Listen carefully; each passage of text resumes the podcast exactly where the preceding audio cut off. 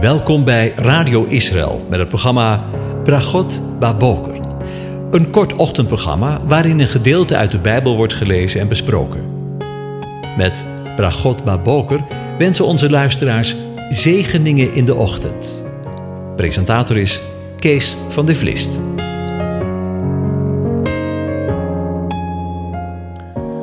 Goedemorgen, Bokatov, beste luisteraars.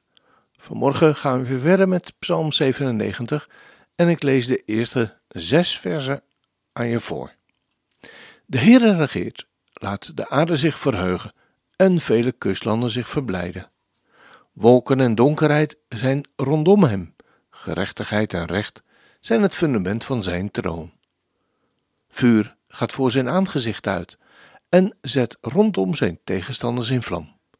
Zijn bliksemslichten verlichten de wereld. De aarde ziet ze en beeft. De bergen smelten als was, voor het aangezicht van de Heere, voor het aangezicht van de Heere van de hele aarde. De hemel verkondigt zijn gerechtigheid en alle volken zien zijn heerlijkheid. Tot zover. Over recht en gerechtigheid gesproken. Vandaag wil ik met u stilstaan bij vers 2, waar we lezen: Wolken en donkerheid zijn rondom hem, gerechtigheid en recht zijn het fundament van zijn troon. En vertaald naar het Hebreeuws lezen we: Wolken en duisternis zijn om hem heen, gerechtigheid en oordeel zijn de woning van zijn troon. Dus niet het fundament, maar de woning van zijn troon. Wolken en duisternis zijn om hem heen, zegt de tekst. Dit is de beschrijving van de majesteit van de eeuwige. Waarschijnlijk afgeleid van de manier waarop hij zich van manifesteren op de berg van Sinaï. Waar we lezen in Exodus 19, vers 16 tot en met 19. En het gebeurde op de derde dag, toen het morgen werd, dat er op de berg donderslagen en bliksemflitsen en een zware wolk waren en zeer sterk bazuingeschal, zodat al het volk dat in het kamp was beefde. Mozes leidde het volk uit het kamp God tegemoet. Zij stonden onderaan de berg. De berg Sinai was geheel in rook gehuld, omdat de Heere er in vuur neerdaalde. De rook ervan steeg omhoog, als de rook van een oven, en heel de berg beefde hevig. Het bezuingeschal werd gaandeweg zeer sterk, en Mozes sprak en God antwoordde hem met een stem. Tot zover. De eeuwige wordt in de Bijbel meer voorgesteld om, als omgeven door, door wolken. Bijvoorbeeld in, in Psalm 104, vers 3. Hij maakt de zoldering van zijn hemelzalen op de wateren, maakt de wolken zijn wagen en wandelt op de vleugels van de wind. En in Daniel 7, vers 13.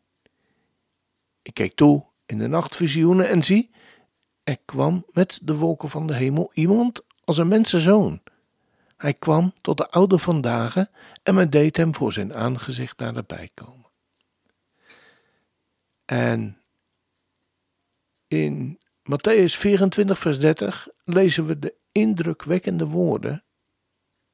En dan zal het teken van de zoon des mensen verschijnen. En dan zullen al de stammen van de aarde rouw bedrijven en hem zullen zij, de zoon des mensen, zien als hij komt op de wolken van de hemel met grote kracht en heerlijkheid. En hij zal zijn engelen uitzenden onder luid bazuingeschal. En zij zullen zijn uitverkorenen bijeenbrengen uit de vier windstreken, van de ene uiterste van de hemelen tot de andere uiterste ervan. En als laatste wil ik Openbaringen 1 vers 7 in dit verband lezen. Hij komt met de wolken en elk oog zal hem zien, ook zij die hem doorstoken hebben, en alle stemmen, stammen van de aarde, zullen rouw bedrijven over hem. Ja, amen. We kunnen dus concluderen dat de eeuwige zich de hele Bijbel door manifesteert in wolken. Het woord dat met wolken is weergegeven, is het gebruikelijke woord om een wolk aan te duiden. En het woord dat met duisternis is vertaald, betekent eigenlijk dikke wolken, bewolkte duisternis, somberheid. Het zou verwijzen naar een wolk die als donker wordt beschouwd en een somberheid over de wereld werpt. Maar nu moeten we oppassen, want de tekst wil zeker niet zeggen dat het handelen van de eeuwige donker, mysterieus en onbegrijpelijk is. Maar de betekenis hier is dat de aanwezigheid van de eeuwige ons mensen vervult met ontzag, emoties en verhevenheid.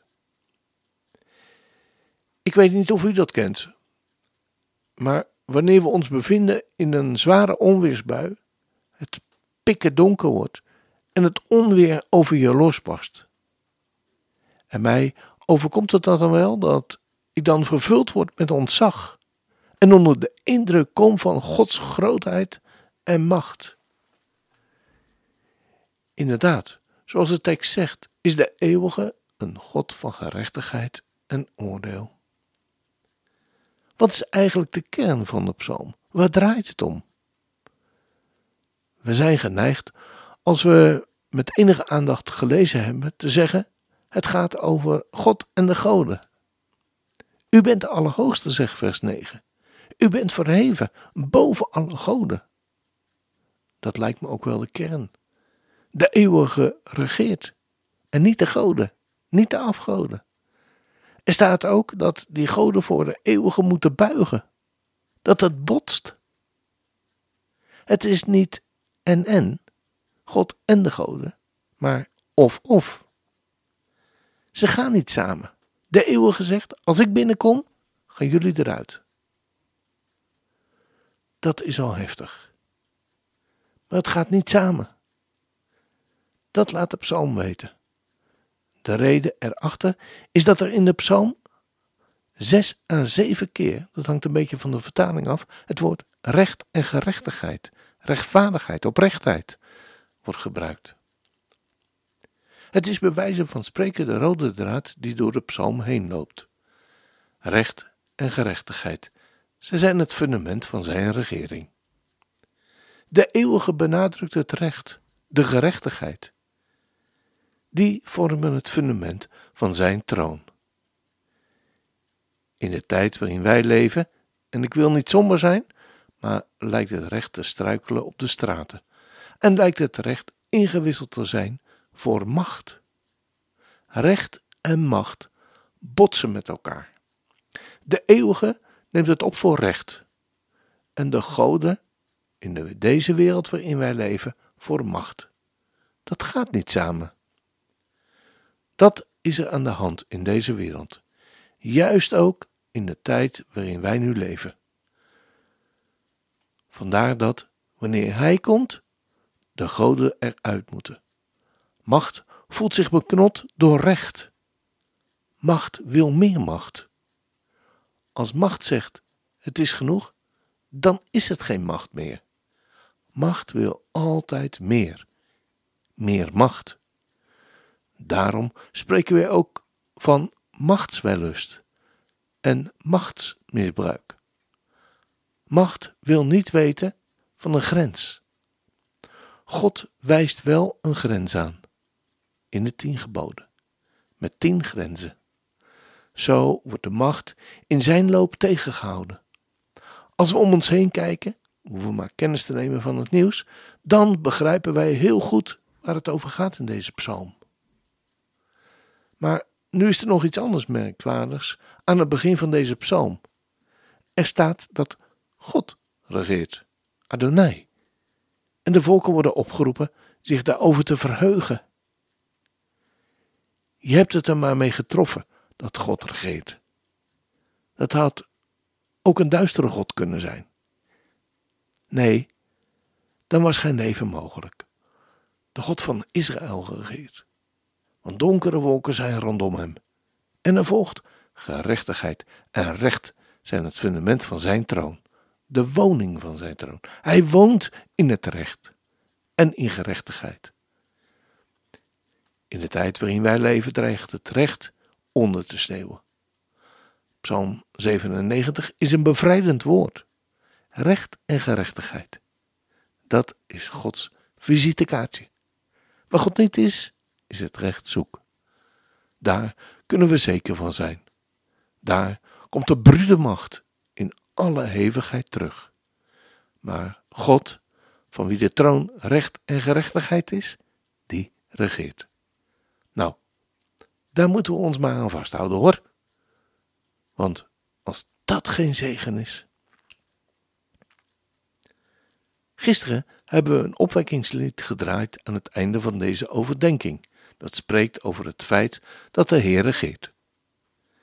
Deze keer luisteren we naar een psalm. Psalm 97 uit de oude psalmbereiding. Want inderdaad, ieder vogeltje zingt zoals het gebekt is.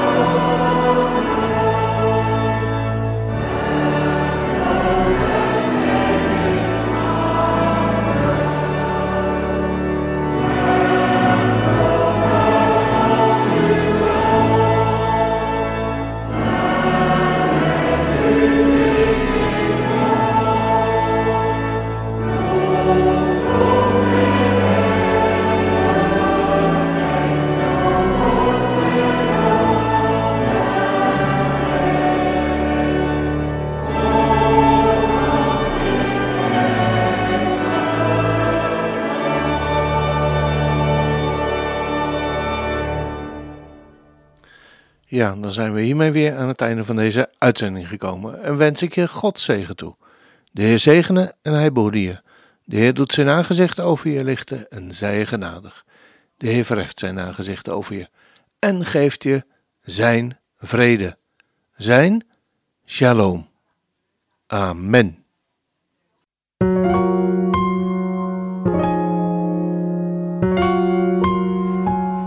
U hebt geluisterd naar het programma Bragot Baboker. Een kort ochtendprogramma waarin een gedeelte uit de Bijbel wordt gelezen en besproken.